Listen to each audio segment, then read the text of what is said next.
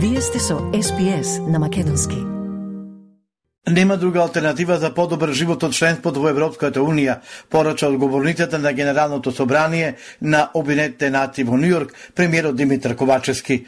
Тој потенцираше дека Македонија предолго чека, но дека останува посветена на оспарување на втората стратешка цел по полноправното членство во НАТО алијансата. Од исклучителна важност за мојата земја е забрзаната интеграција во Европската Унија. И ние сериозно работиме на сите потребни чекори кон реализацијата и на оваа втора државна стратешка цел.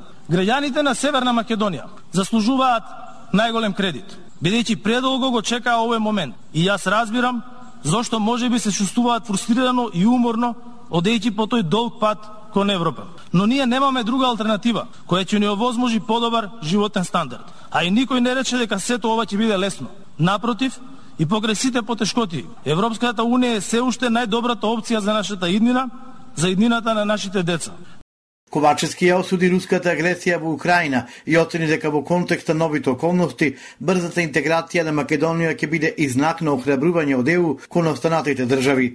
Со овие пораки премиерот Ковачевски ја закружи посетата на САД и учеството на 77-то Генерално собрание на Обединетите нации, во рамки на кој учествуваше на повеќе самити и отпари средби со европски и светски лидери, а присуствуваше и на приемот кај председателот на САД Џо Бајден. Ден потоа пратеникот Драган Ковачки од ВМРО ДПМН го критикуваше говорот на премиерот Ковачевски во Обединетите нации. Вчерашното обраќање на премиерот дезертер на 77-то Генерално собрание на Обединетите нации И во најмала рака го цениме како скандалозно.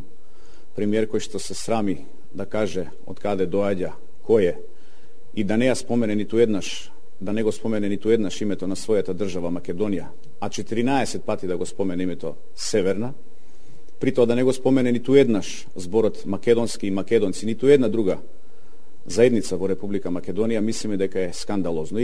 СДСМ обвинува дека опозицијата е против стратешките интереси на Македонија, на преспорт паролката Богдан Какузевска возврати. Додека СДСМ води државнички политики за граѓаните, гледаме обструкции, блокади, сопки од криминалната ВМРО ДПМН на чело со Христијан Мицкоски фатени со рацете во медот за тендери вредни над 136 милиони евра, само се потврдува дека за ВМРО ДПМН и шпицниот градоначалник се важни само личните и бизнис интереси. Затоа почитувани се сите тие обструкции, затоа се сите тие блокади, кочење на државата и блокади на работата на собранието. ВМРО ДПМН беа против Преспанскиот договор и за членување во НАТО, сега се против Европската Унија. Членот на извршниот комитет на ВМРО ДПМН Владко Ѓорчев учествуваше на Конкордија самитот во Њујорк. Во рамки на самитот Ѓорчев отвори повеќе билатерални средби како со Жозе Мануел Баросо, поранешен премиер на Португалија и председател на Европската комисија. На средбата со поранешниот премиер на Шпанија Хосе Марија Азнар стана збор за соработката меѓу ВМРО ДПМН и Партидо Популар. Азнар како премиер на Шпанија од 96 до 2004 година беше голем пријател на Македонија и ВМРО ДПМН, велат од оваа партија. Ѓорчев се сретна и со Хеле Торнинг Шмидт, поранешна премиерка на Данска. Таа сега е копредседател на надзорниот одбор на Фейсбук, како и член на бордот на Атлантскиот совет од Вашингтон и Советот за надворешни работи од Њујорк, а активно работи со Обединетите нации. На самитот Ѓорчев имаше одличен разговор и со Колинда Грабар Китарович, екс-председателка на Хрватска.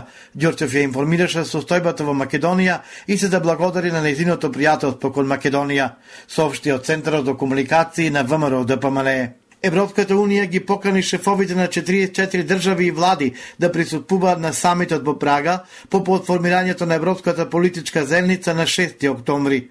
Покрај 27 земји членки на состанокот беа поканите и представници на земите кандидати Македонија, Црнагора, Србија, Албанија, Украина и Молдавија, како и други земји од Западен Балкан, но и Турција и Велика Британија, објави на именуваниот представник на ЕУ, пишуваат австриските медиуми. Членови на ДУИ во сообщение испратено обратено до јавноста обвинуваат дека во партијата речиси две години не постојат и не се формираат статутарни партиски тела и дека политичкото одлучување како што вела станало индивидуално.